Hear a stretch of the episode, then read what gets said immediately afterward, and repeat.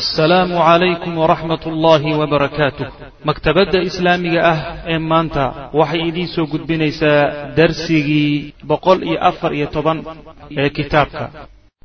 Salawatullah wasalaamu caleyh ficlan saawey maalintii isniin tahay wixii ka dambeeyey nabigu waa geeriyooday. Salawatullahi wasalaamu caleyh naxariis ilaahay baana markaa bilowday. Adduunya dhibkeed ka teg wadaca wuxuu u yeedhay nabigu sal lay slam alxasana waalxusein xasan iyo xuseen buu u yeedhay. Sibdayhi waa labadii wiile uu caruurtana u ahaa nabiga sal lay slam awowna wuu ahaa. Yani waxa weyaan adeerna wuu ahaa. Abu basr.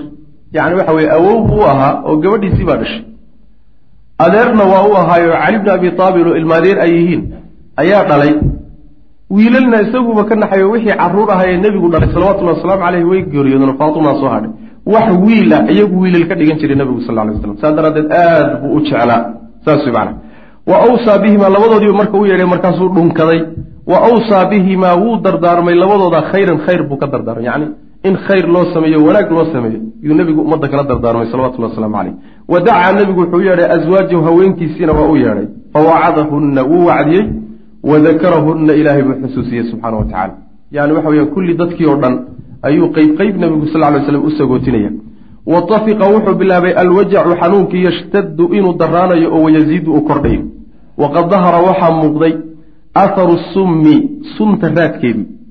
Raadkay suntu reebtay alladii suntaasoo akalahu uu nabigu cunay bikhaybara khaybar uu ku cunay. Xataa kaana ilaa uu ka ahaa yaquulu mid yihahdo waynu soo marnay. Khaybar maalintuu nebigu furanayay salawatullahi wasalaamu caleyh naag yahuudiyadaa cunto u keentay. Habar yahuudiyad ah cuntaday u keentay marka sun soo gelisay. Suntii marka nebigu sal alay wasalam waxbuu ka cunay laakiin kuma dhimanin. Waa gasha calooshiisa laakiin kuma geeriyoonin rag saxaabadiisii ka mid ah marka suntaa cunay ku geeriyooday suntaasi marka jidhka nebiga kama bixin salawatullahi waslamu caleyh imise sanaa ka soo wareegtay?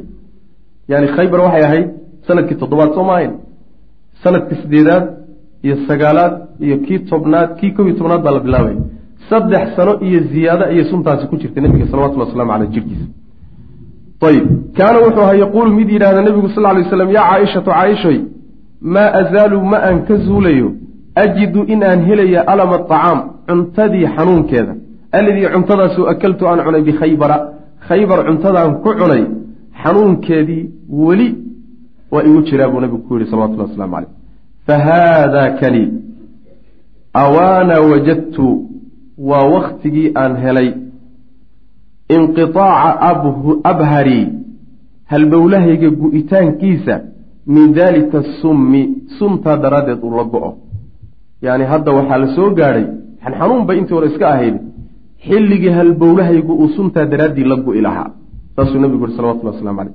abharka waxaa la yidhahdaa sida ay leeyihiin abu cubayda iyo abu cubayd iyo waxaan u jeedaa macnaha waxa weeye ibnu athiir iyo luqawiyiinta haddana muxadisiinta ah.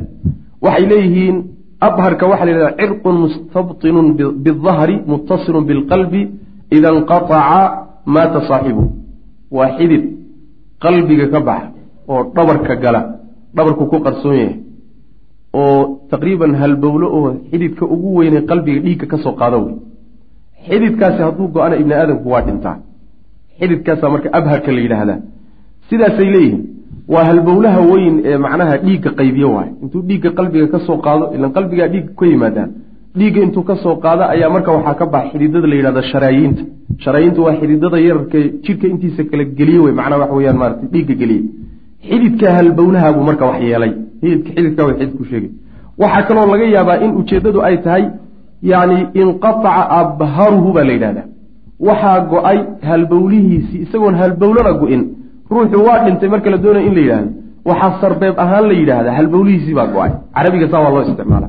Marka inuusan halbowla go-ina waa suurtagale waa suntu waktigay idili lahayd inuu ka wadana waa suurtagal macna. Saas wey culimada qaar ka mid a waxay leeyihiin waa xidid weyn oo ka baxa madaxa ilaa lugaha taga yani xididada dhiigga intiidoo kalena ay ka baxaan. Iyaguna qaarna saas qaarna waxmaana xididadan waaweyne yani dhuunta mara ayay qaarna ku tilmaamayaan macna. Intaaba waa la sheegaa. Fa haada awaana wajadtu waa waktigii aan helay weye inqiaaca abhari halbowlahayga gu'itaankiisa min dalika summi sumtaa daraaddeed uu la gu'i lahaa wa awsa annaasa dadku nebigu u dardaarmay sal lay slam faqaala wuxuu yihi asalaata asalaata war salaada ilaaliya oo salaada ilaaliya iyo wamaa malakat aymaanukum waxay gacmihiinu hanteen. Addoommada wey yani dadkii addoommada ahaye muslimiintu gacanta ku hayeen oo gaalo iyo muslimba isugu jiray ayuu nebigu ka dardaarmay salawatullahi wasalaamu caleyh yacni in laga dadaalo oo shaqooyin ayna qaadi karin loo dirin oo aan dhib weyn loo geysanin oo intii la xoreyn kara la xoreeyo saasuu nabigu uga dardaarmay sal alay wasalam iyo salaada. Bal u fiirso yani waxyaalaha kutusaya ka mid tahay salaadu meesha ay diinta ka joogto. Karara dalika arrinkaa nabigu waa celceliyey miraaran marar fara badan buu hadalkaa ku soo celceliyey. Asalaata asalaata wamaa malakat aymaanukum hadalkaa aad buu nabigu ugu soo celiyey sal alay wasalam waxaa dardaarankaa keenaya nebigu sal alay wasalam wuxuu yidhi oo uu sheegay diinta waxyaalaha ugu horeeye laga tegi doono waxaa kow ka abuu nabigu yuri sal alay wasalam xugumka iyo dowladda axkaamta ku saabsan. Khilaafada iyo maxaakimta iyo qaybaha ku saabsan baa diinta marka hore laga tegi doonaa buu nabigu yuri sal alay wasalam waxaa ugu dambeeya oo diinta laga tegi doonaa waa salaada buu nabigu yuri sal alay wasalam saas maana salaada haddii laga tegay diini meesha ma taallo wey. Diin ruuxaasi uma taallo. Wa bada-a waxaa bilaabay alixtidaaru yacni ku soo xaadiridii geerida ay ku soo xaadiritay mowdkii ayaa bilowday fa asnadatu waxay ku tiirisay nabiga alixtidaar be alixtidaar macnaa ixtidaarka waxa la yidhahdaa waa soo xaadirida marka geeridu ku timaada ruuxa wey wa bada-a waxaa bilaabay alixtidaaru soo xaadiridii geerida fa asnadathu nabiga waxay ku tiirisay caaishatu caaisha ayaa ilayha iyadaa isku tiirisay macnaha waxa weye madaxiisa intay soo qabatay iyo halkaa laabteedaa ku tiirisay wa kaanat waxay ahayd taquulu mid tirahda caaisha ilan gadaal dambe waa laysu faani laysu faani oo haweenka midba waxbay sheegi oo saxaabada ninba waxbuu dadka la dheeriyay ayadu waxyaalahay dadka la dheeradoon lala wadaagin tanaa ka mida marka saas wey wa kaanat waxayda taquulu mid tidhaahda ina min nicami illaahi ilaahay nicmooyinkiisa waxaa ka mid a calaya dusheeda ugu nimceeyey ana rasuula allahi rasuulka ilahi sal lay waslam tuwufiya wuu geeriyooday fii beytiya gurigaygu ku geeriyooday. Wa fii yowmii maalintii aniga kalkayga ahaydna wuu geeriyooday. Wa bayna saxrii wa naxrii dhuuntayda iyo laabtayda dhexdoodana wuu ku geeriyooday. Saas wey mana saxriga waxaa la yidhahdaa laabtaa la yidhahda halkaa laabtaa la yidhahda mana laabta macnaa halkana la dhaha naxrigana waxa la yidhahda dhuuntaa la yidhahda marka halkaa dhuunta iyo laabta inta udhaxaysa waa intan shafka halkaasuu madaxiisu saarnaa markuu nabigu geeriyooda naftu ka baxay salawatullah waslamu caleyh caaisha halkeedaasuu saarnaa.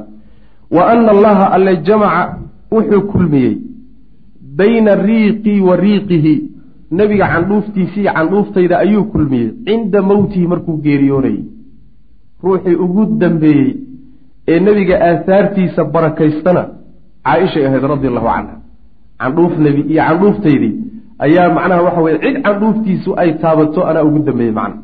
Oo seebaa candhuuftaadiiyo tiisu isu taabteen wey waa ka. Dakhala waxaa soo galay cabduraxmaan ibnu abi bakrin ayaa soo galay walaalkeed wey wa biyadii isagoo gacantiisa asiwaaku cadow cadaya isagoo gacanta caday kuwatoo cadayanaya ayuu nebiga u soo galay salawatullahi wasalaamu caleyh wa ana aniguna musnadatu rasuulilahi sal ly slm nebiga miduu ku tiirsanaa baan ahay.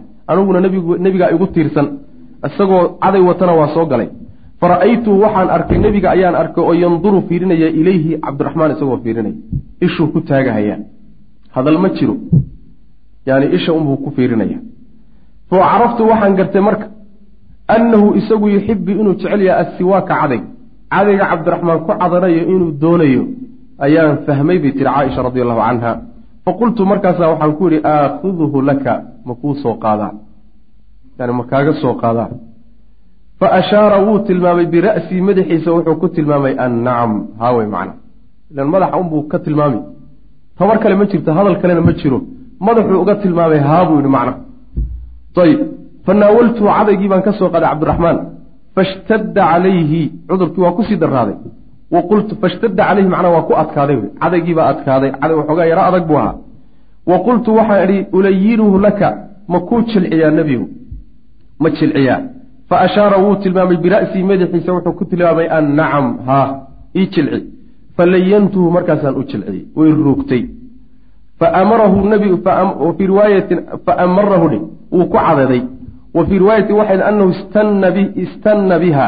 Wuu ku cadayday cadaygii isaga ah ka axsani maa kaana mustinnan. Mid cadayanaya intuu ahaa sidii ugu wanaagsanayd ee u cadayan jiray ayuu ugu cadayday nebigu salawatullahi wasalaamu caleyh weligii intuu noolaa cadayashadiisa tii ugu fiicnayd yuu cadayday oo cadaygaa ku cadayday. Ayib wa bayna yadayhi hortiisana waxaa ahday rakwatun yani waxaa loo deliishadaa cadayga iyo qiimaha uu leeyahy aakhiru xayaatii nebiga sal lla alay wasalam oo adduunka uu sagootinayo caday buu ku sagootiyey. Saas wey macana qiimaha uu leeyaha laga garan macnaha saas wey fajacala wa bayna yaday hortiisa waxaa nebiga yaallay rakwatun weel biyo ku jiraan. Rakwada waxaa la yidhahdaa waa weel yar oo harag ka samaysan oo biyaha lagu shubto. Saas wey maana sibraarka ma ah weelal noocyo badan bay iyagu ka samaysan jireen hargaha oo weelashooduba harge u badnaayo wa bayna yaday hortiisa waxaa nebiga yaallay rakwatun weel yar oo fiiha dhexeeda maa-un u biyaya fajacala nebigu wuxuu bilaabayey yudkhilu inuu geliyo yadayhi labadiisa gacmood filmaai biyaha ayuu dhex gelinaya fayamsaxu biha markaasu wuxuu ku tirtirayaa wajhahu wejigiisa ku tirtiraya yacni waxa weye xanuunku markuu ka tambatay biyahaasuu gacmaha soo daraya soo qaadaya markaasuu wejiga iska marmarinaya macna yaquulu wuxuu leeyahay laa ilaaha ila allah ina lilmowti sakaraat ilaah mid xaq lagu caabuda alla mooye cid kale ma jirtee cid kaloo xaq lagu caabuda ma jire mowtku sakaraad iyo dhib badan buu leeyahay buu nabigu leeyahy salawatullahi wasalaamu caleyh alla mowtku muxuu dhib leeyahy saasuu odhanaya macna. Yacni waxaan uu biyaha isu marinahaye ee la kacaaye ee la fadhiisanahaye ee la jiif iyo joog la qaban layahayba waa sakaraadkii mowtka wey macna. Mowtku marka sakaraad iyo dhib buu leeyahy alxadiid wamaa cada wamaa cadaa an faraqa min asawaaq maa cadaa ma uusan gudbin nebigu sal lay slam an faraqa inuu kan gacan banaanaaday min asiwaaki cadaygii cadaygii inuu dhammeeyeyba muusan gudbin xataa rafaca ilaa uu kor u qaaday yadahu gacantiisa aw amase isbacahu isbicahu fartiisa. Yani waxa weeyaan gacantuu kor u taagay ama fartuu kor u taagay. Markuu cadaygii dhammaystayba. Wa shakhasa waxaa kor u taagmay basaruhu araggiisii ayaa naxwa saqfi saanqaafka xaggiisa indhihii u taagmay. Macnaha naftii baa socota oo siduu nebigu sheegay salawatullahi wasalaamu caleyhi naftii oo baxdoo sii socota iyo indhuhu sii fiirinayaan oo ka daba tageen. Saas way macnaha. Soomaliana ruuxu markuu geeriyoodo ruux isagoo indhaha isku haya geeriyooda ma jiro. Ruuxu markuu geeriyoodo isagoo indhaha kala hayay nafta ka bixi. Indhaha kala hayntaasi waxa weye indhuhu waxay sii fiirinayaan naftii oo tagtay. Yaa sii muuqata macnaha. Wa taxarakat waxaa dhaqdhaqaaqday nebiga shafataahu labada bishimoodna wuu dhaqdhaqaajiyey. Fa asqat waxaa u dheg raaricisay ileyhi xaggiisa caaishatu caaisha u dheg raaricisay yacni hadal aada u hooseeyo oo daciif ah ayuu marka ku hadlayaa nebigu salawatullahi wasalam dhegtay u dhigtay marka. Wa huwa yaquulu isagoo nebigu le sal alay wasalam hadalka marka uu ku hadlayo ee uu yani bishimihiisa uga dhaqdhaqaaqayaan waxa weeye maca aladiina ancama allahu calayhim min alnabiyiina walsidiiqiina walshuhadaai walsaalixiin allahuma kfir lii warxamnii walxiqnii birafiiqi alaclaa allaahuma arafiiqa alaclaa saasuu leeyay macna yacni maca aladiina ilaahu kuwii la jirankooda iga dhig ancamta calayhim aada u nimcaysay oo min annebiyiina nebiyaal ah waasidiiqiina kuwii runta badnaa waashuhadaa kuwii adiga dartaa loo dilay wasaalixiina iyo kuwii wanaagsanaa la jirankooda allaahuma kfir lii ilaahu ii dembi dhaaf warxamnii ii naxariiso wa alxiqnii i haleeshiyo iga dabagee birafiiqi alaclaa saaxiibkii sarreeyey yani qoladii aan la saaxiibi lahaa ee sarreeyey waa kuwaan xalay soo sheegnay halkana kuwa lagu sheegay wey allaahuma allahayo alrafiiqa alaclaa yani alxiqni arafiiqa alaclaa ilaahow saaxiibka sare i haleeshiyo i gaadhsiiyo iga dabagee saasuu nabigu leh salawatullah waslamu caleyh karara waa celceliyey nebigu sal lay slam alkelimata alakhiirata weedha ugu dambaysa ayuu ku soo celceliyey talaata saddex goor buu ku celceliyey wa maalat waxaa markaa dhacday yaduhu gacantiisii baa dhacday. Gacantu ila waa taagnayd. Saaday u taagnayd macnaha waxa dhulka ku dhacday. Saas man walaxiqa nebigu wuxuu haleelay birafiiqi alaclaa saaxiibkii sare ayuu haleelay. Oo macnaha waxa weeyaan nebiyadii kale iyo yani sidiiqiintii iyo shuhadadii iyo kuwaasuu ka daba tegay nebigu salawatullahi wasalaamu caleyh inna lilah wa inna ilayhi raajicuun. Marka waa geeridii nebiga sal alay wasalam musiibo ka weyni ma jirto. Musiibo ka weyn ummadda kuma dhicin musiibadu markay kugu habsataa inna lilaahi wa inna ilayhi raajicuun la dhahaa macna waqaca hada alxaaditu dhacdadaasi way dhacday. Xiina ishtadda markii u daraaday adduxa maalintu markay daraatay yani kulaylka maalintu markuu daraadayo ay noqotay barqin aada u kulul ayuu nebigu naf baxay salawatullahi wasalaamu caleyh min yowmi lithnayn maalintu waa isniin wey itnaa cashara rabiicu lwal ama athaani cashara min rabiici alawal bisha rabiic alawalna waa labiyo toban sanata ixdaa cashara alhijiriya sanadkuna waa sannadkii kow tobnaad ee hijriga wey hijrada nebiga sal ly slam sannadkii kow iyo tobnaad. Bishuna waa rabiicu lawal oo waa bisha saddexaad ee sanadka wey tuna waa maalin isniin. Bisha rabiicul awalna waa labiyo toban. Waxaa laysku waafaqsan yahi khilaaf ka taagnayn nebigu maalintuu geeriyooday salawatullahi wasalaamu calayhi taariikhdu saasay ahayd. Laakiin dhalashadii nebiga salawatullahi wasalaamu calayhi taariikhda odhanaysa bisha rabiicul awal dhowr iyo tobankeedii bay ahayd.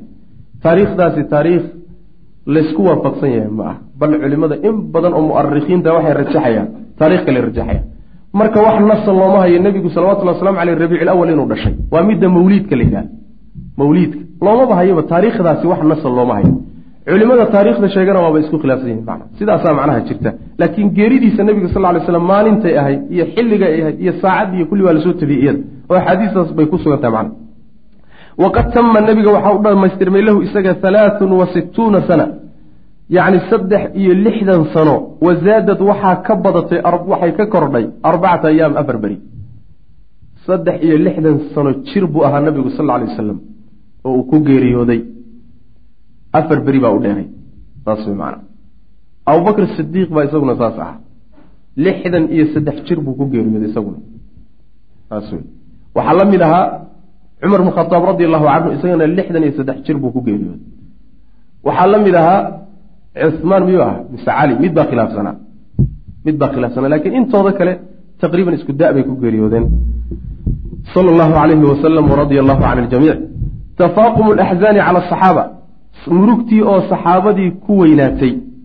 Dareenkii saxaabada hadda laynoo soo gudbinaya saxaabadu ridwaanullaahi calayhim nebiga geeridiisu nabar intee la-eg buu ku noqday. Dareen intee la-eg bayse qaadeen. Isbeddel intee la-eg buuse ku sameeyey. Taasuu hadda ka hadli rabaa. Wa tasaraba annaba-u warkii ayaa fiday. Alfaadixu ee aadka u cuslaa wa adlamat waa mugdiyowday cala almadiinati magaalada madiinana waxaa ku mugdiyowday arjaa'uhaa dhinacyadeedii iyo wa afaaquhaa jihooyinkeediiba magaaladii madiina iftiinkeedii baa damiile nabigaa iftiin u ahaa salawatullhi wasalaamu caleyh qaala anasu wuxuu yidhi maa ra'aytu ma aanan arag buu yihi yowman maalin qatu weligey maalinkaasoo kaana ah axsana mid ka wanaagsan walaa adwa'a ka iftiin badan min yowmin maalin maalinkaasoo dakhala calaynaa uu noo soo galay fiihi maalinka dhexdiisa rasuululahi sal alay wasalam maalinkii uu nebigu madiine soo galay maalin ka fiicnaa ama ka qurux badnaa ama ka iftiin badnaa magaalada madiine ma soo marin. Ko maa ra'aytu ma aanan arag buu ihi sidoo wamaa ra'aytu ma aanan arag yowman maalin. Maalinkaasoo kaana aha aqbaxa mid ka xun walaa adlama mid ka mugdi badan min yowmin maalin. Maalinkaasoo maata uu dhintay fiihi dhexdiisa rasuululahi sal alay wasalam saas wey maalin soo mara muslimiinta maalinkii ugu cuslaa wuxuu ahaa maalinkii nebi maxamed geeriyooday salawatullahi wasalaamu caleyh maalintay ugu jeclaayeen khaasatan reer madiinana waxay ahayd. Maalintii nebi maxamed salawatullahi wasalaamu caleyh isagoo maka laga soo celiyo muhaajir ah uu magaalada madiine soo galay. Maalintaasay ugu jeclaayeen uguna qiimo badin macna. Walamaa maata markuu dhintay ayaa qaalat faatimatu faaduma waxay tidhi yaa abataa ajaaba rabban dacaa.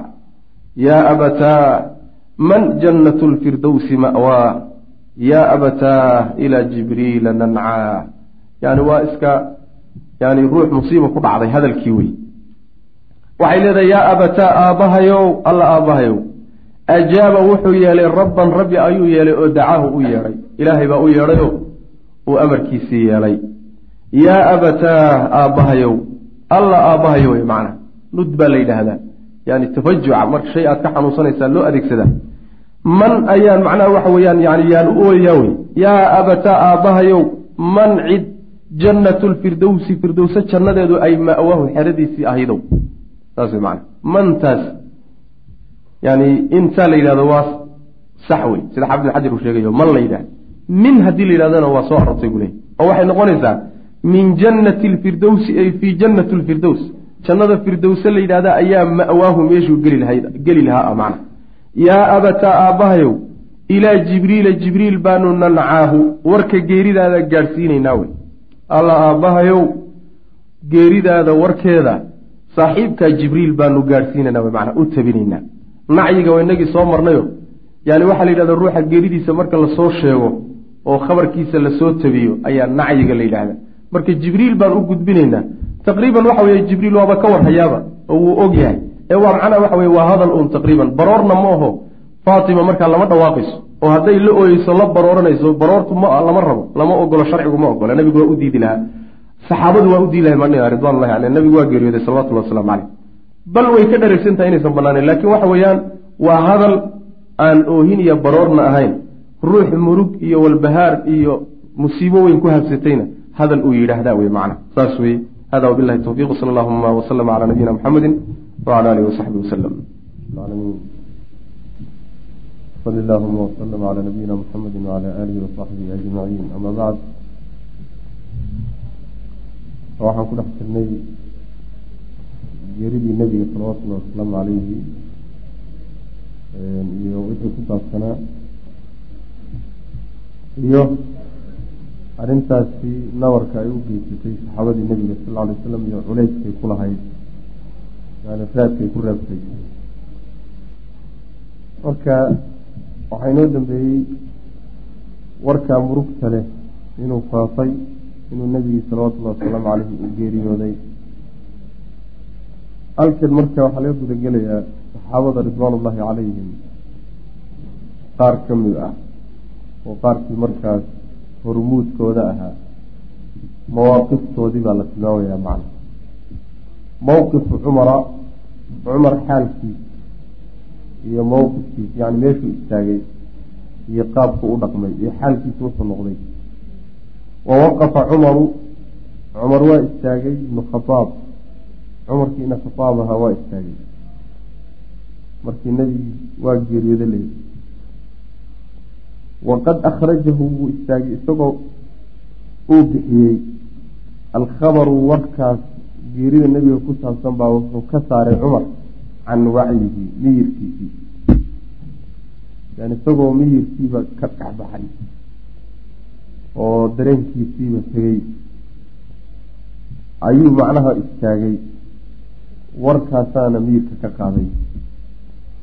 Wuu istaagay marka wahuwa yaquul isagoo leh ina rijaala rag oo min almunaafiqiina munaafiqiinta ka mid a ayaa yazcumuuna waxay sheeganayaan ana rasuula allahi sal ly rasuulka ilaahi tuwufiya in la oofsaday niman munaafiqiina war wadwada oo meelaha ku wadwaday inuu nebi maxamed geeriyooday sal lay wasalam wa ina rasuula allahi sal lay slam rasuul ilaahayna maa maata ma geeriyoonin bui ma dhimanin laakin dahaba wuxuuse aaday ilaa rabbii xagga rabbigii buu aaday kamaa dahaba siduu u aadayba muusa nabiyllaahi muuse muuse bnu cimraan nebi muuseba siduu xagga ilaahay u aaday oo faqaaba uuga maqnaaday can qowmihi dadkiisa arbaciina leylatan afartan habeen uuga maqnaa uma markaa kadibna rajaca suu ugu soo laabtay muuse ilayhim iyaga bacda an qiila markii la yidhi kadib qad maata waa dhintay.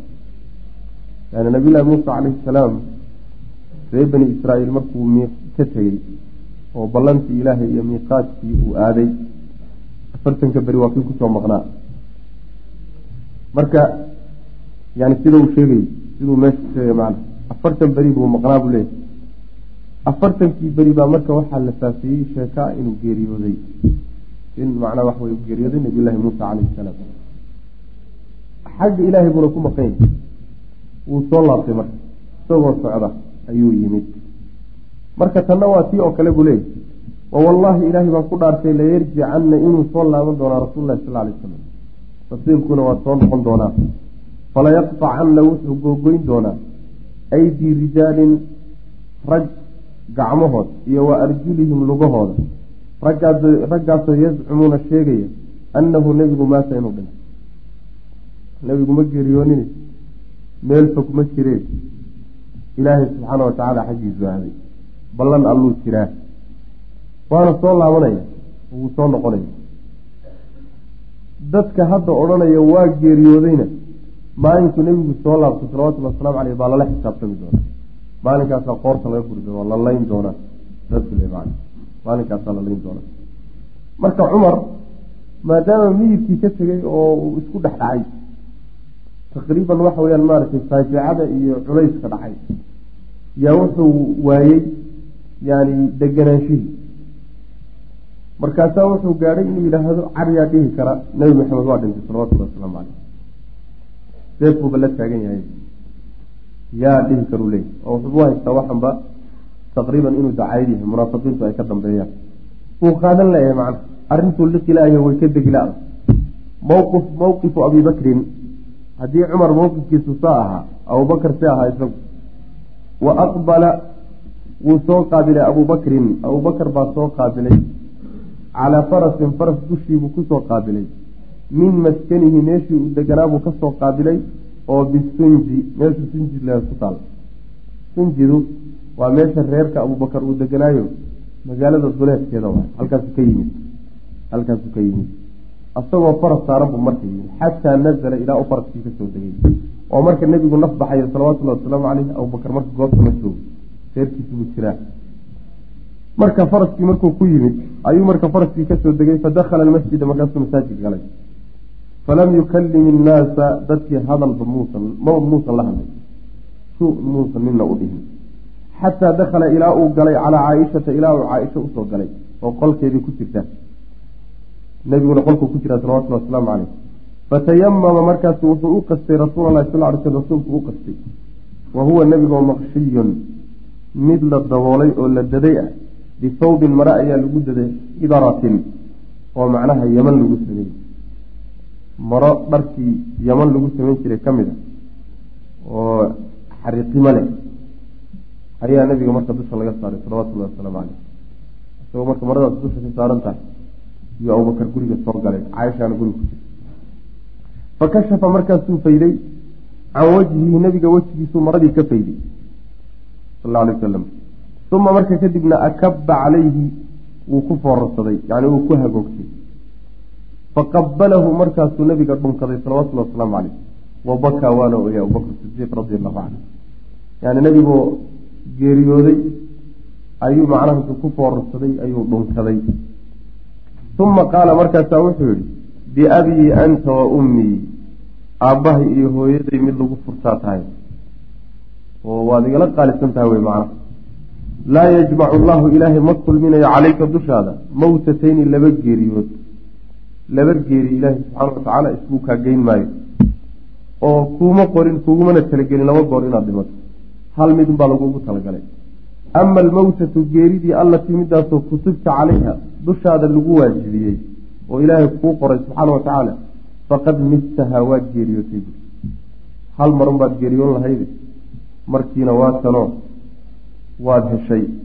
Mar labaadna geeriyoon maysid bu macnaha intuu nabiga dhunkaday salawatullahi wasalaamu caleyh abubakar intaa dadkiibuu hortaagan yahe horeynaya oo seef la hortaagan yahay. Oo leeya cariyaa dhihi kara waa geeriyooday. Intaa abubakar inta macnaa waxaan u jeedaa cumar. Cumar saasuu sameynaya abubakar markuu nabiga la joogay salawatullahi wasalaamu caleyh uma kharaja markaasuu soo baxay abubakrin. Abubakar baa marka gurigii ka soo baxay intaa markuu sameeyey. Waxaa laga qaadanaya meydku markuu geeriyoodo kadib in la dhunkan karayo uma kharaja abubakrin abubakar baa soo baxay wa cumar walxaal cumaru cumarna yukalimu nnaas dadka uu la hadlay isagoo weli cumar uu dadka hor taagan yahay oo uu u hanjabayy ayuu abubakar guriga ka soo baxay. Faqaala wuxuu ihi ijlis yaa cumaru. Cumarow fadhiiso bu ka fadhiiso dadka. Fa abaa cumaru cumar wuxuu diiday an yejlisa inuu fadhiisto. Ma fadhi baa u yaalla. Fajiico weyn baa ku dhacdayo. Waxbaa dul saaran miyirkiisiiba ma joog.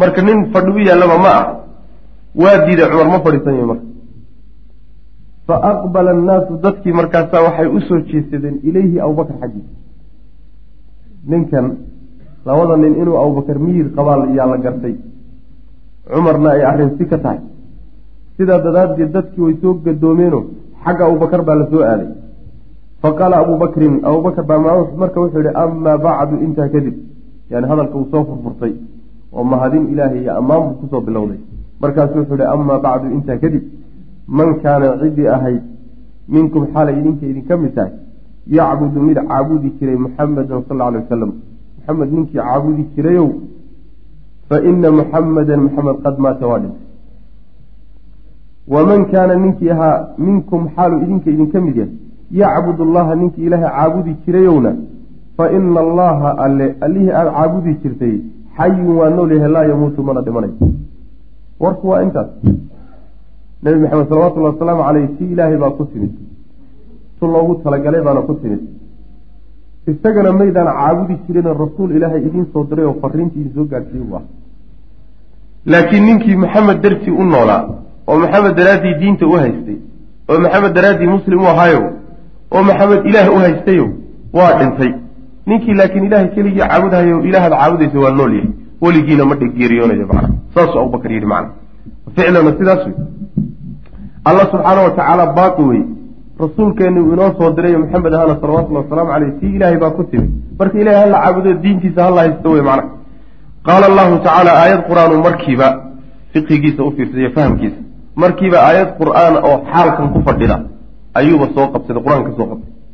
Qaala allahu tacala alla wuxuu yidhi bu abubakar wamaa muxamadun ilaa rasuulu qad khalat min qablihi rusul afain maata aw qutila inqalabtum cala acqaabikum waman yanqalib cala caqibayhi falan yadura allaha shaya wasayajzi lahu shaakiriin wamaa muxamadun muxamed ma ahaanin sal alla alay wasalam ilaa rasuulun rasuul mooye wax kale ma aha malagna ma aha ilaahna ma aha wax kalena ma aha waa un rasuul ilahay soo dirtay subxana wa rasuulkaasoo qad khalad ay tagtay min qablihi hortii alrusulu rusul ka horreysay baa tagtay soo badan oo ka horreysay oo ma jiraan. Milladu nabiyllaahi aadam laga soo bilaabo. Ilaa ciise oo ku xigay la soo gaadho. Intaa rasuul ilaahay oo fara badan baa afa in maata marka haddii uu dhinto aw qutila ama la dilo inqalabtum miyaad gadoomaysaan calaa acqaabikum ma cirdihiinaad dib ugu laabanaysaan ma ridoobaysaan way macna.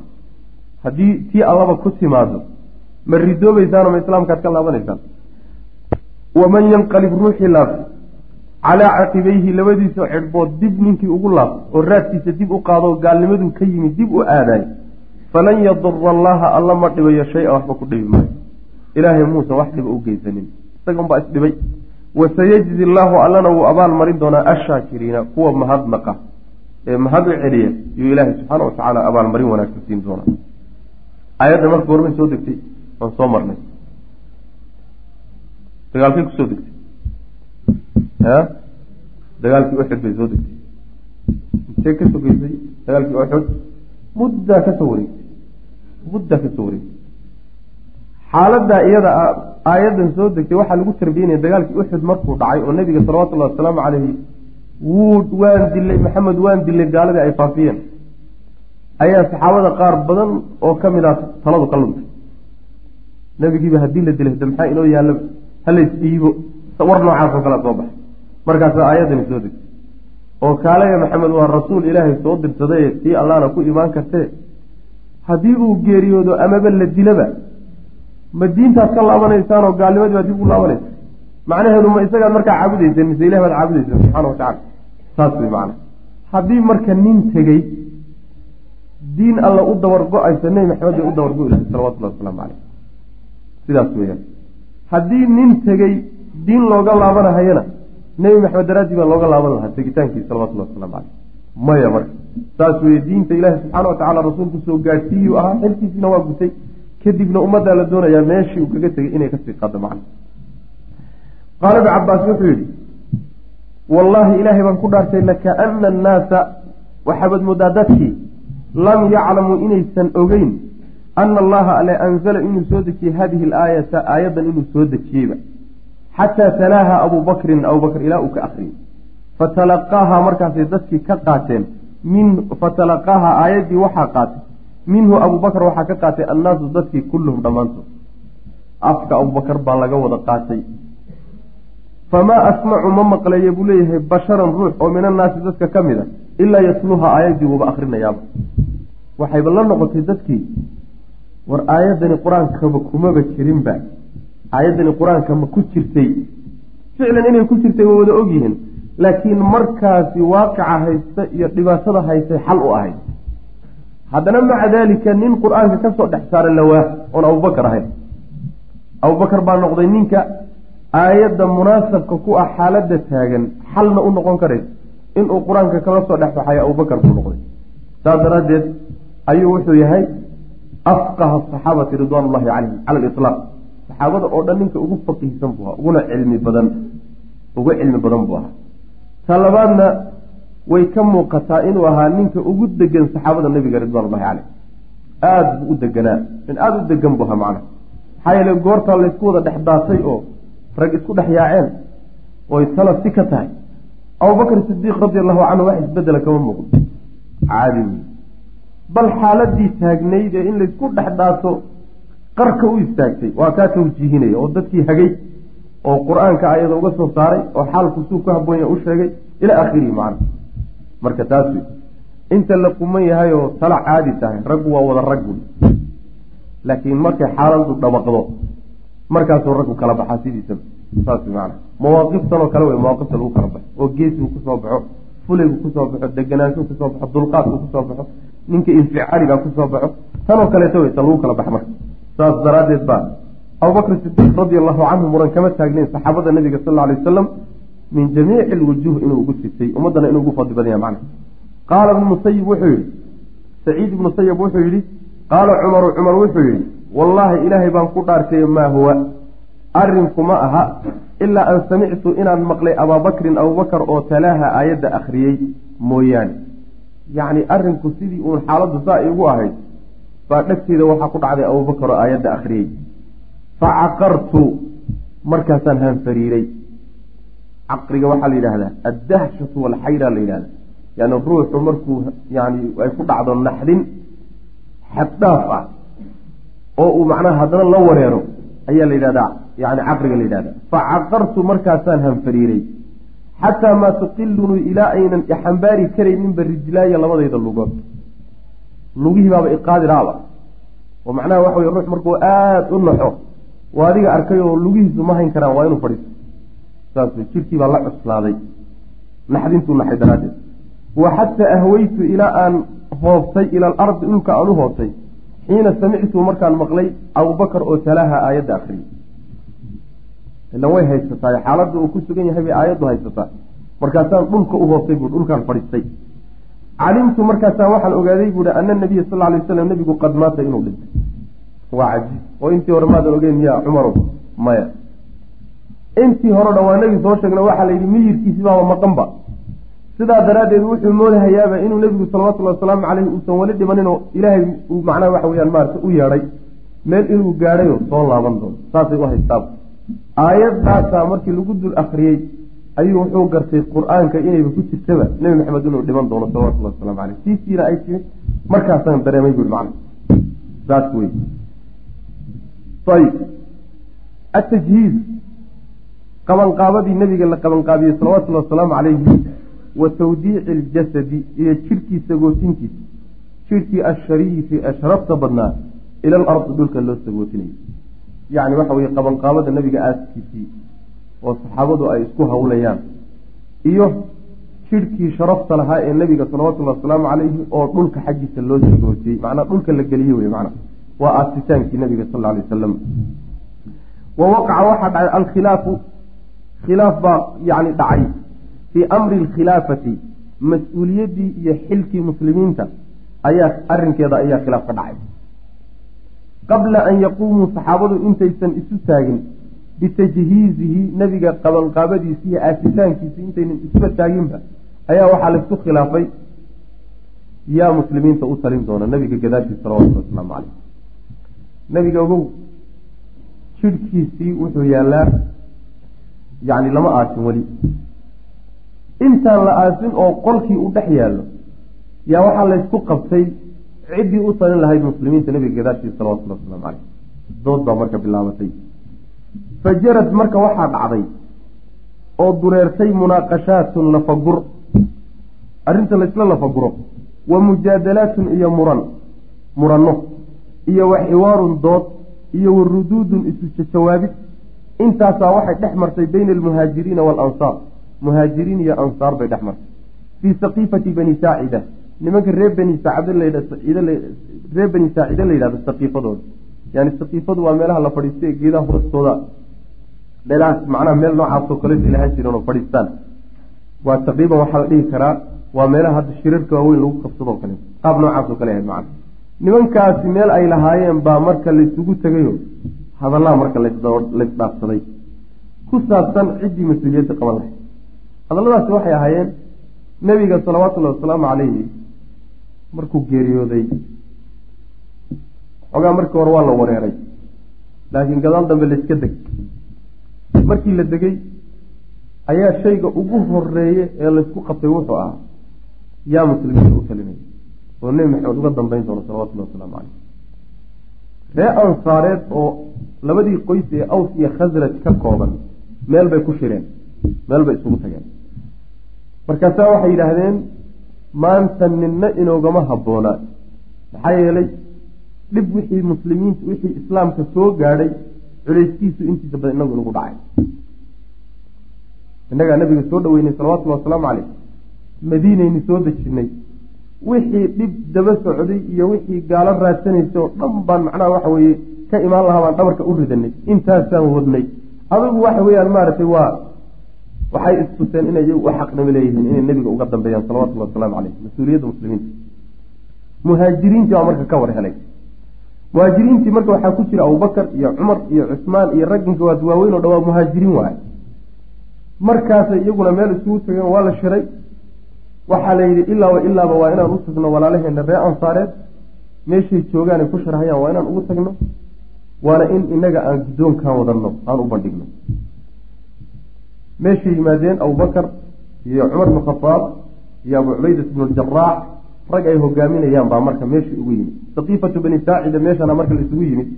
Masaajidka nabiga salawatullahi wasalaamu caleyh ayaa hadda gaadhay yani meel yani markii meel maktabad weyn oo maktabatu malik cabdilcasiis la yidhaahdo masaajidka agtiisa ku taalla. Maktabadaa iyo masaajidkii maktabad maktabadaa iyo masaajidka dhexdooda ayay ku taalla. Ila aan geeda timiraa ku yahay saqiifatu bani saacida meeshaas macnaa waxa way ee la dhaxa meeshaasay marka isugu tageen waa la shiray. Markii la shiray waa la wada hadlay. Ansaar baa hadasho waxay yidhaahdeen yaani intaasaanu wax soo wadnay oo wax soo qabanay oo maanta talada annaga hale muhaajiriinay talada hanaloo daayo. Abubakar baa marka hadlay. Abubakar baa istaagay. Wuxuu yihi nimayo wax alla waxaad soo qabateen oo dhan wax la inkirsan yahay ma ah.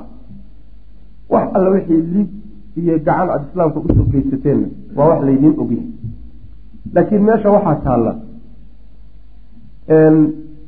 ummaddan carabta ee deegaanka ah madaxnimo iyo hoggaan waxay u ictiraafsan tahay reer quraysheed. Ansaar hoggaan loo ogol yahay ma jirto. Innaguna carab baynu la tacaamulayna la dhaqmaynaa axaadiista axaadiisna nebigay ka asaxday salawatullahi wasalaamu caleyh uu leeyahay talada ummaddan iyo hoggaankeeda quraysh baa iskale sideedabana ummadahan deegaankii waxay uga dambeeyaan hoggaanki iyo maamulka quraysh waa u ogolyihi laakiin qabiilkan hadduu meesha soo galo waa lagula murmi. Sidaa daraaddeed nimayahu idinkoo wax walba laydiin ogol yahay waxaad soo qabateen oo dhan. Yaani waxa weeyaan talada u daaya reer qureysheed laba nin baanan idin soo madhigayaa buuhi kolba kii idinla qumanaada doorta labada nin ee midna midigiga fadhiyo midna bidix waa abubakar waa cumar iyo abu cubaydata bnu jaraax labadaa nin labadaa nin mid uun aynu la mubaayacono hawshii aan u dhiibno intaa markuu soo jeediyey ayaa cumar meeshii fadhiyay baa wuxuu yihi hadal laga yidhaahdo meeshaa laysugu yimid waxaa iigu culays badnaa buuri cumar hala doonto. Hadalkaan ugu necba kaasu ahaa intii kale ee meeshii ka dhacaysay iyo wixii hadal ahaa oo dhan waxaan u bogsanahay waxaan caariibsanahayba waa ku jirtay. Laakiin cumar hala doorto abubakar markuu yihi culays iiga weyne ima soo qaabilin bu cumar marka markiiba intuu booday ayuu wuxuu mubaayacan. Horta nin kala hadlay oo ansaari ah. Nin kaloo ree ansaariyadu ree madiina hadla wuxuu yihi anigaa tala soo jeedina nabiga iga dhegeys haye. Wuxuu yidhi ree muhaajiriin iyo ree qureysheed iyo ree makana nimayahu idinkuna nin doorta annaguna aanu nin dooranno. Laba madaxa aan samaysano marka.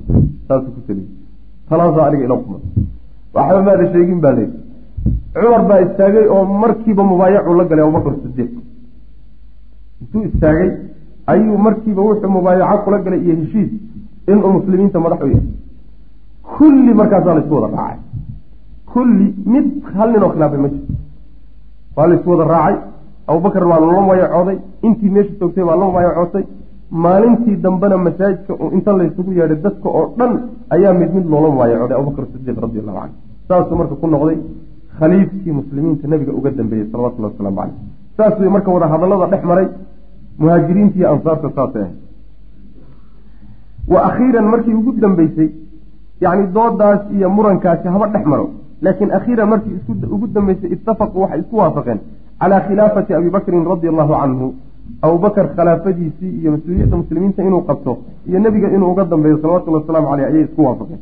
Wamadaa waxaa tegay fii daalika arrinkaa dhexdiisa baqiyatu yowmi alisnayn maalintii isniinta intii ka harsanayd waa tagtay intii lagu jiray arrintaas xataa dakhala leylu ilaa habeenkii ka soo galay ila nebigu salawatullahi wasalaamu caleyh waxaan idhi barqinkiibuu naf baxay soomaya maalintii intii ka laabnayd murankaasaa lagu jiray habeenkii dambe talaadadaa soo galay marka ayib wa shagala annaasa dadkii waxaa ka mashquuliyey can jihaazi rasuulilahi sal ly sl nabiga qabanqaabadiisa iyo aasitaankiisa waxaa ka mashquuliyey way ka mashquuleen wa shagala annaasu dadkii way ka mashquuleen can jihaazi rasuulilahi sal ly sl nabiga qabanqaabadiisa iyo aasitaankiisa xataa kaana ilaa uu ka ahaaday aakhiru leyl habeenka aakhirkiisa ilaa laga gaadhay waa habeenkii talaadada ah akhirkiisa ilaa uu ka noqday leylata hulaasa baa laga wadaa maca subxi weliba waa barkii laga gaadhay ilaa waa barkii unbaa la mashquulsanaa wa baqiya waxaa hadhay jasaduhu nabiga jidhkiisii almubaaraku ee la barakeeyey wuxuu baaqi ku ahaa calaa firaashi gogashiisiibuu dul saaranya nabiga salawatullhi wasalaamu caleyh jidhkiisii sharafta lahaana gogashuu dul yaallaa. Maqshiyan isagoo lagu duuduubay bisawbin maro xibaratin oo yaman lagu sameeyey qad aklaqa weliba ay xidheen duunahu sokadiisa albaaba. Albaabka ay ku xidheen ahluhu reerkiisa albaabka loo soo xidhay. Marka albaabka u xidhan nabiga salawatullahi wasalaamu caleyh gogoshiisiibuuna dul yaallaa. Jidhkiisii sharafta lahaa salawatullahi wasalaamu caleyh su'aal baa marka isweydiinlo su'aasha isweydiintale waxay tahay oo nebiga salawatullahi wasalaamu caleyhi baaba hawshiisa intaa lahay saxaabadu may tahay meel meeshii laga filiyay meel aan ahayn bayba ku mashquuleen. Soo looma baana inay nebiga aasaan marka hore salawatullahi wasalaamu caleyh kadibna wixii lagu mashquulhay iyo haddii maamul la dhisi iyo maaragtay in lagu mashquulo. Waxa ay kutusaysaa qisadaasi ama dhacdadaasi ay kutusaysaa madaxda iyo mas'uuliyadda iyo kala dambeyntu ahmiyadda ay muslimiinta u leedahay. Saas way macana awalu shay oy saxaabadu ku tilaabsadaan geeridii nebiga salawatullhi wasalaamu caleyhi kadib tilaabadii ugu horreysay qaadaan waxay ahayd muslimiinta maamul ha loo dhiso saas. Maxaa yeelay ummadda saa u ballaadhan hal habeen maamul la'aan ma joogi karto bal hal saacad ah maamula la'aan ma joogi karto. Waa in mas'uuliyad la istaajiyo marka ummaddu kala dambayso xataa waxaan lagu heshiin doonin oo lagu kala dambeyn doonin. Aasitaanka nebiga salawatullahi wasalaamu caleyh soo ninba meel ku dhufan maayo. Sidaa wey sidaa daraaddeed ummaddu cid ay ka wada dambayso oo wax walba looga dambeeyo waxyaalaha soo socda waa in marka hore la magacaabo. Ninkaana wixii hadda ka dambeeya macnaha looga dambeeyo arrimaha imaan doona wey macana haddiise la yidhaahdo waxaynu nahay faras siman baynu nahay ha lagu tilaabsado arrintii ha laga wada shaqeeyo.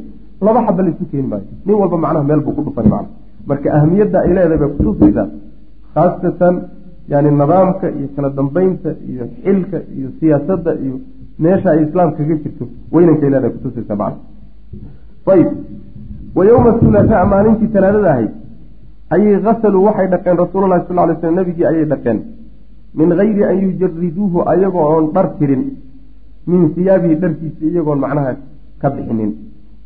Ayagoo isagoo dharkiisii qaba yaa lagu dhaqay nabiga salawatullahi wasalaamu caleyh macnaha maryaha dushooda laga dhaqaya gacanta la marmarinaya lama qaaweynin nabiga salawatullahi wasalamu caleyh wa kaana wuxuu ay ahaayeen alqaa'imuuna nimanka u taagan bilgusli dhiqitaanka nabiga sal lay slam nimankii u taagnaa waxay ahaayeen ee dhaqay alcabaasu adeerkii cabaas wa caliyun iyo cali. Wlfadlu fadl ibn cabaas waalfadlu wa qusam ibnay cabaas cabaaska oo adeerkii ah laba wiil oo dhalay oo midna fadli layihahdo midna qusam la yidhahdo yani laba ilmaadeer bay yihiin macnaha. Cali bn abi aalibna ilmaadeer bay ahayn sooma saddex inuu ilmaadeer yihiin iyo adeerkii waa. Wa shuqraan ninka shuqraan la yidhahdo mawlaa rasuulilahi sal lay wasalam nebigu addoommadu xoreeyey ka mid ahaa. Wa usaamatu bnu zaydin iyo usaamihii ina zayd ah isaguna waa min mawaali rasuulilahi sal lay wasalam nebigu dadku xoreeye uu ka mid yahay. Wa aws yani aabihiibu xoreeyey zayd bnu xaris wa aws ibnu qawliyin. Ninkaasi isagana ayaa ka mid aha raggi dhaqay. Fa kaana alcabaasu cabaas say hawsha u kala qabteen marka. Fa kaana wuxuu aha alcabaasu cabaas wuxuu aha waalfadlu iyo waqusam yuqallibuunahu kuwa nebiga rogroga salawatullahi wasalaamu caleyh yacni meydka marka la dhaqayo sidii jidka oo dhan looga wada dhaqo kolba dhinac baa loo rogaa sooma saddexdaa nin baa marka u xirsaalnaa rogrogitaanka wa usaamatu wa shuqraan labadaa ninna waxay ahaayeen yasubaani kuwa shuba almaaa biyaha ayaguna biyahay hayeen oo dusha kaga shubayeen.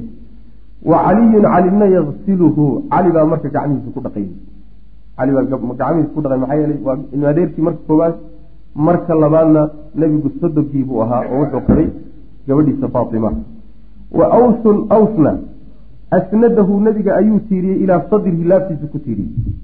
Awsna wuu fadhiyaayo nebigu wuxuu ku tiirsan yahay oo macnaha uu madaxa ku hayaa laabtiisa macnaha. Saasuu u fadhiyaa macnaha markaasaa la dhaqaya. Uma markaa kadib markii dhaqitaankii ka baxeen bay kafanuuhu nebiga way kanfeen. Kafan bay geliyeen fii halaathati aswaabin saddex maro ayay ku kafeen. Biidin oo cadcad. Suxuuliyatin oo magaalada suxuul la yidhahdo lagu sameeyey.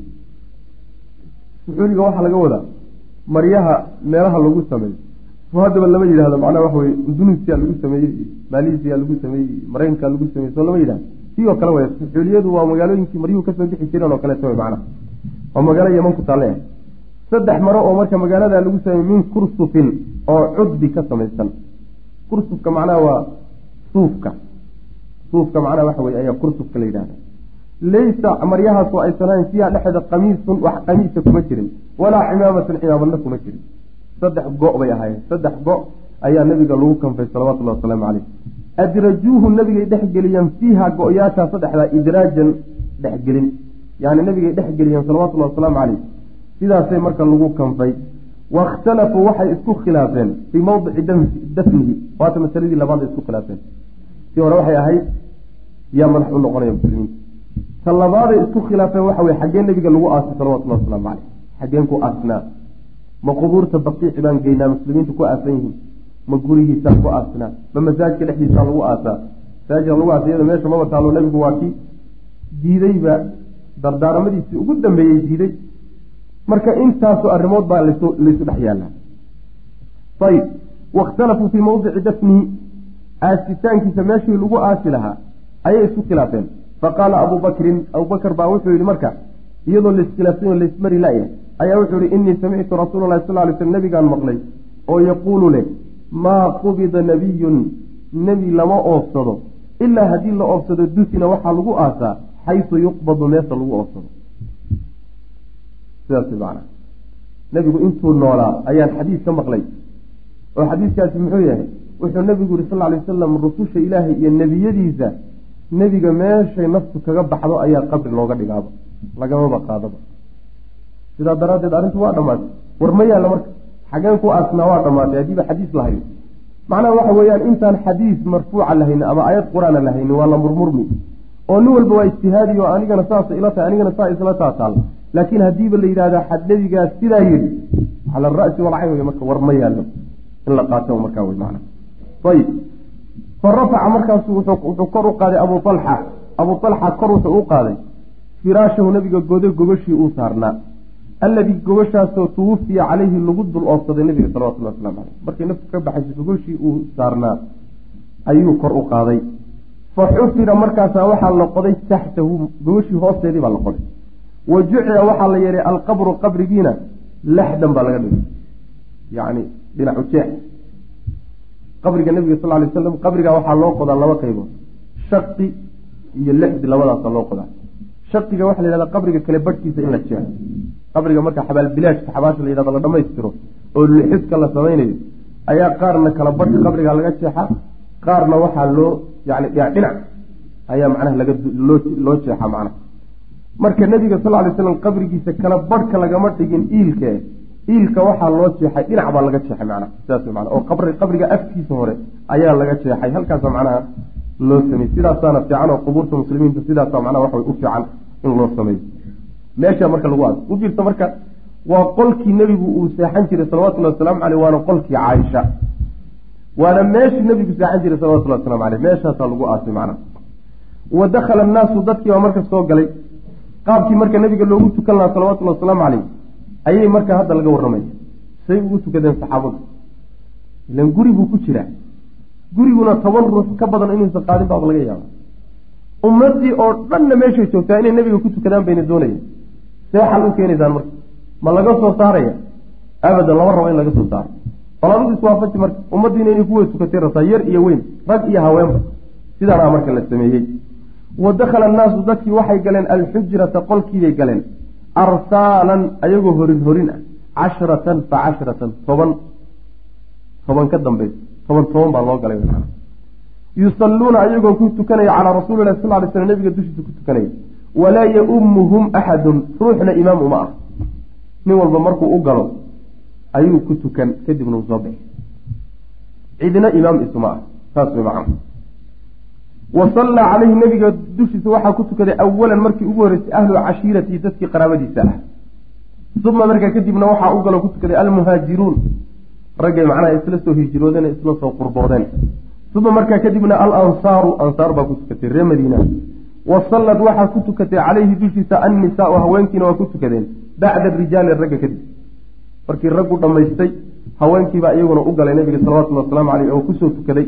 Uma markaa kadibna sallaa calayhi waxaa ku tukaday asibyaanu caruurtii yaryaray caruurtii yaryarka ahaa ayaa markaa kadibna u galo ku soo tukaday nabiga salawatullahi wasalaamu caleyh sidaasay marka nebiga lagu aasay sal alay wasalam oo loogu tukaday oo kafantiisiina u dhacday. Wa madaa waxaa tegey fii dalika arrinkaa dhexdiisa waxaa waxaa tegey yowmu thulathaa maalintii talaadada ahayd kaamilan xaalay dhammaystiranta maalintii talaadada ahayd oo dhan ayay arrintaasi socotay. Kafantiisa la diyaariyo qabrigii la qodo yani dadkii ay ku tukadaan maalintii talaadadeed bay iyaduna qaadatay.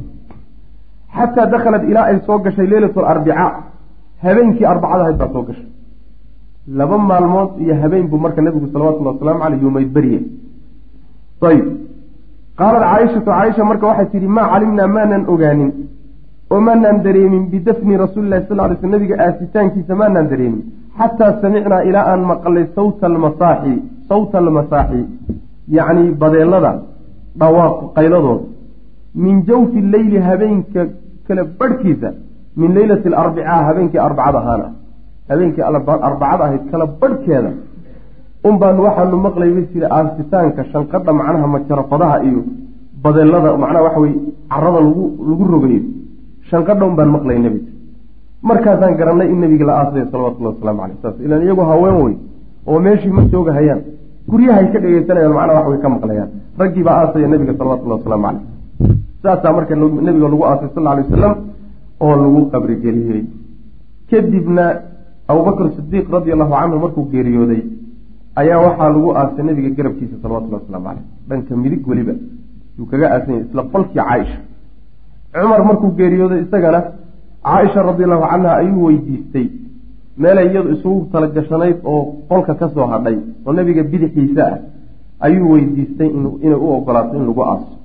Markii la dhaawacay oo toorida lagu dhuftay oo is yidhi alelaha xag aakharaad u badatay. Ayuu macnaha codsigaa u geystay. Caaishana waa ka ogolaatay. Markaasaa wuxuu yidhi markaan geeriyoodo kadib caaisho u taga oo mar labaad idan soo weydiiya maxaa yeele wuxuu ka cabsanayey noloshiisa hadda uu nool yahay iyo ixtiraamka agteeda uu ku leeyahay iyo wejigiisa inay hadda ku siiso. Waxoogaa baqdin ah. Baqdin mehe waxoogaa ixtiraamkaasi inuu ka tambado saas daraaddeedna ay ugu ogolaato saas daradeed wuxuu yihi markaa naf baxo kadib ku laabta waxaad tidhahdaan cumar ma u ogoshahay meeshii lagu aaso ha hadday tidhahdana igu aasa haddii kalena. Yani waxay kuurtaa muslimiinta kale ugu aasa marka way ogolaatay radi allahu canha cumarna marka dhankaasuu nabiga kaga aasanya salawatullah wasalaamu caleyh saddexdu marka saas isu garab yaalaan saxaabada intooda kale waxay ku aasan yihiin baqiic bay ku aasan yihiin. Yani waxa qubuurta weyn ee muslimiinta ayay ku aasan yihiin cusmaan iyo macnaha wax halkaasi ku aasan yihiin albeyt nabowi beytkii nebiga salawatullahi wasalaamu caleyh yacni qoyskii nebiga waay qoysaskii nebiga ayaa halkan laga gudagelaya salawatullahi waslamu caleyh waxay noo laaban baabkan oo uu sheekhu kaga hadli doono nebiga qoysaskiisii sal alla alay wasalam iyo haweenkiisii. Iyo baabka ku xigo oo uu kaga hadli doono nebiga salawatullahi wasalaamu calayhi qaabkuu u ekaa abuurkiisa sidii ilaahay u abuuray subxaana wa tacaala iyo akhlaaqdiisii iyo qaab dhaqaneedkiisii. Labadaa baab buu ku khatimi doonaa sheekhu uu kitaab ku gebagabayn doonaa macna marka beytkiisii albeyt nabowi qoysaskii nebiga sal alay wasalam yani maadaama uu nebiga yani waxa wey siiradiisii soo gebagabeeyey wixii calaaqa lalahaa marka inuu ka hadlo wey macna marka ilaahi subxaana wa tacaala ha ka abaalmariyo abaalmarin buuxdana ha ka siiyo nabigeena sal alay wasalam yani xilkii weynaa ee ilaahay u soo dhibay subxaana wa tacaala ee uu gutay xaggeennana ilaahay subxaana wa tacaala wax weyn ha ka siiyo. Rabbi subxaana wa tacala waaba siin doonaaye laakiin xuquuqdu inugu leeyahay waxay tahay in aan macnaha mar walba oon magaciisa maqalno aan ku sallino nabiga salawatullahi wasalaamu caleyh xuquuqdaasuu ummadiisa ku leeyahay nebigu sal ly slam kaanat kaana wuxuu ahaa albeyt nabowi qoyska nebigu sal lay wasalam guriga nebigu fii makata maka dhexdeeda. Maka intuu joogay guriga nebigu wuxuu ahaa qabla alhijrati intuusan soo hijroon madiine soo aadin yata'alafu gurigaasi wuxuu ka koobnaa minhu nebiga laftiisa calayhi salaatu wasalaam isaga laftiisa kow. Wa min zawjatii iyo xaaskiisii khadiijatu ahayd bintu quwaylid. Khadiijati bintu quwaylid ahayd. Xaaskiisii khadiija isaga iyo xaaskiisa khadiija. Labadaasuu reerka nebigu ka koobnaa intuu maka joogay salawatullah waslamu caleyh tazawajaha wuu guursaday khadiija nebigu sal alay wasalam wa huwa isagoo fii khamsin wa cishriina min sinihi shan iyo labaatan jir isagoo ah yuu khadiijo guursaday wa hiya iyaduna fi larbaciin afartan jir bay iyaduna markaasi cagcagaynaysa way ka weyntay sooma shan iyo toban sanay ka weyntay. Haween haddii la yidhaahdo duq bay ku tahay. Duq baa la dhihi karaa. Haddana nebigu waa guursaday salawatullahi waslamu caleyh waana haweeneydii ugu horreysay ee nebigu guursado sal alay wasalam wa hiya iyaduna awalu man? Tii ugu horreysay weye oo tazawajaha uu guursado nebigu sal lay slam oo min annisaa'i haweenka ka mid a walam yatasawaj muusan guursanin nebigu calayhaa dusheeda muusan la guursanin weye hayrahaa iyada cid aan ahayn.